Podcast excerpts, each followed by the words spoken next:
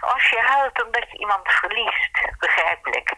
Als je huilt omdat iemand ziek is, begrijpelijk.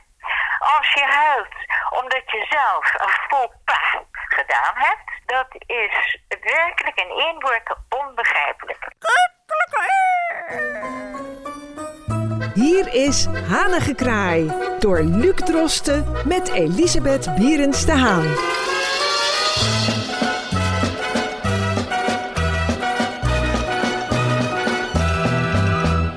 Hartelijk welkom bij Hanige Kraai, een wekelijkse rubriek hier op Amsterdam FM als podcast te beluisteren op de diverse uh, podcastplatforms uiteraard.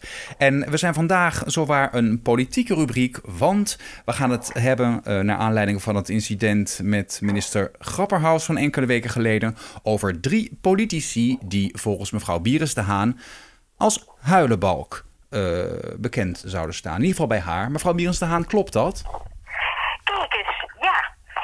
vind het wel interessant om deze podcast te wijden aan huilen. Huilenbalken. Um, kijk, als je huilt omdat je iemand verliest, begrijpelijk. Als je huilt omdat iemand ziek is, begrijpelijk. Als je huilt omdat je zelf een faux pas, zei men vroeger in het Frans, gedaan hebt, dan is dat onbegrijpelijk. Dat is werkelijk in één woord onbegrijpelijk. En we zien hier drie politici die vrij snel de tranen laten vloeien. En dan kan je eventjes teruggaan in de tijd. Dan begin ik met Ivo op Stelten. Die heeft ook een traan gelaten, een korte traan.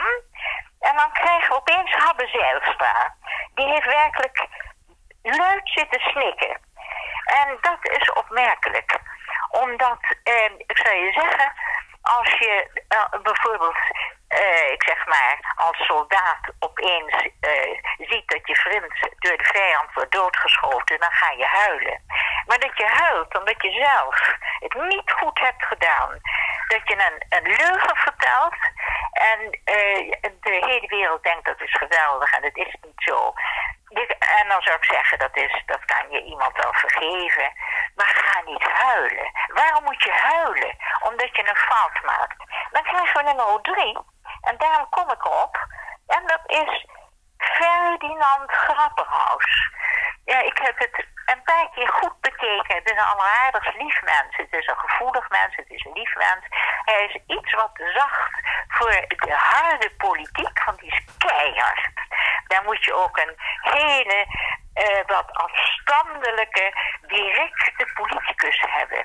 Maar goed, hij functioneert. Heeft een misstap, een pas gedaan. En dat zijn we vroeger, je doet een pas. Staat in de Bijbel, staat er, um, wie zonder zonde is, werpen de eerste steen. Nou, er is niemand die die eerste steen werpt, want iedereen is zondig. Ik Iedereen is zondag, zondig. Er is niemand zonder zonde. En dan hebben we hier dus onze politici die ja, vlug tranen laten vloeien. En Grapperhaus is, is die, eh, die, podcast is even ietsje later dan op het moment dat het gebeurde. Maar het feit blijft dat ik, ik vind het zo verwonderlijk dat politici heel gauw aan het huilen gaan. En dat vind ik opmerkelijk. Ik vind het verbazingwekkend. Ik vind het zelf medelijwekkend. En ik uh, begrijp eigenlijk niet waarom je uh, ja, opeens moet huilen omdat je weet dat je het fout hebt gedaan. Maar dan kan je eigenlijk, en dat heeft Grapperhaus ook gedaan, heeft erkend, ik heb fouten gemaakt.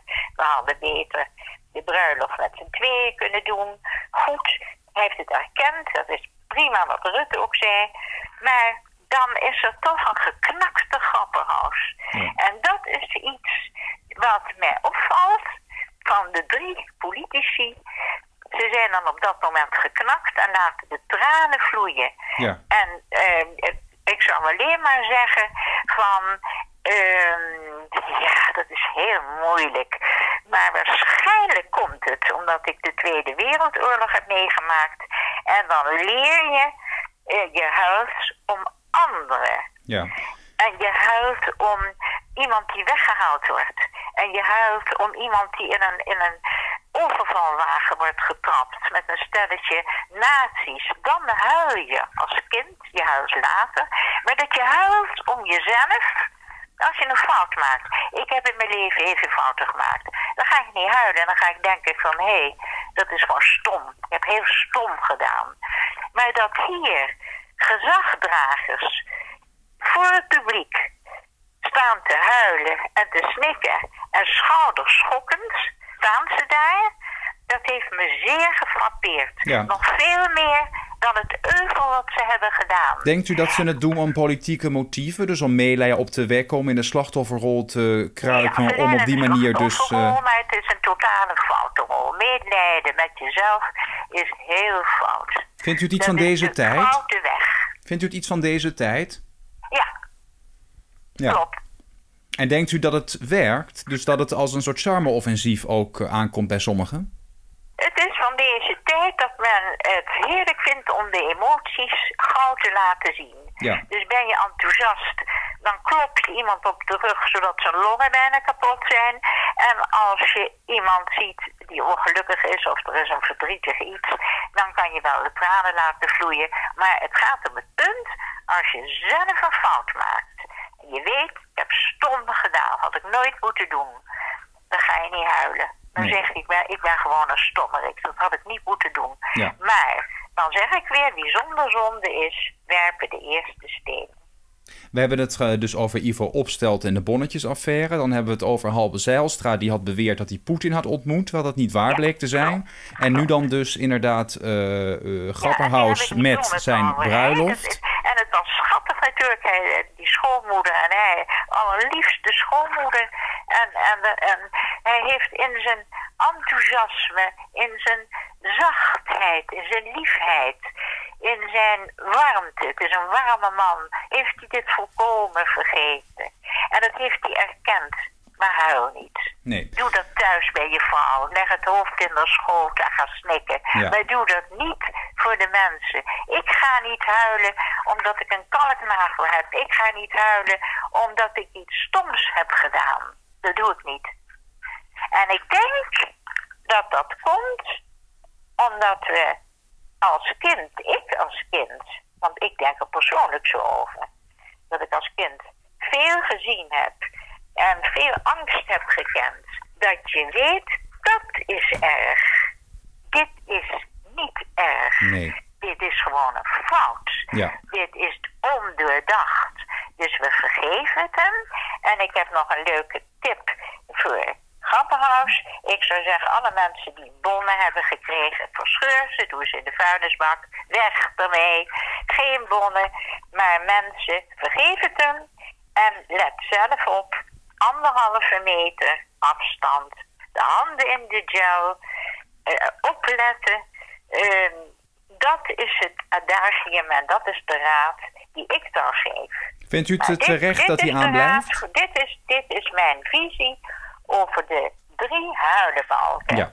Even puur nog over hem. Vindt u het wel terecht eh, eh, zelf dat hij aanblijft? Ja, dat is natuurlijk een delicate vraag. Kijk, het is een technische vraag, gevoelsmatige vraag.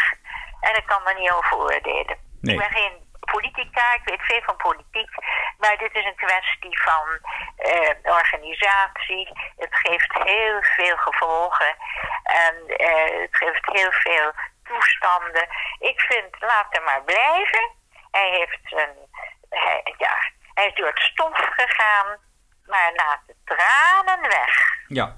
En vindt u eh, als slotvraag dan ook dat mensen die in de eerdere coronamaanden al een aantekening op hun strafblad hebben gekregen vanwege het overtreden van de anderhalve meter regel, eh, dat ook geannuleerd moeten kunnen zien? Ja, geannuleerd en in de prullenbak. Zo.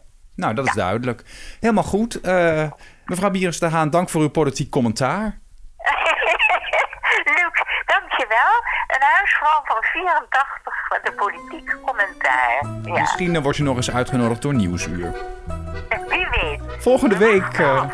we wachten het af. En in Ja. afwachting eh, spreken wij elkaar volgende week weer over een ander thema, mevrouw Bierens de graag, Haan.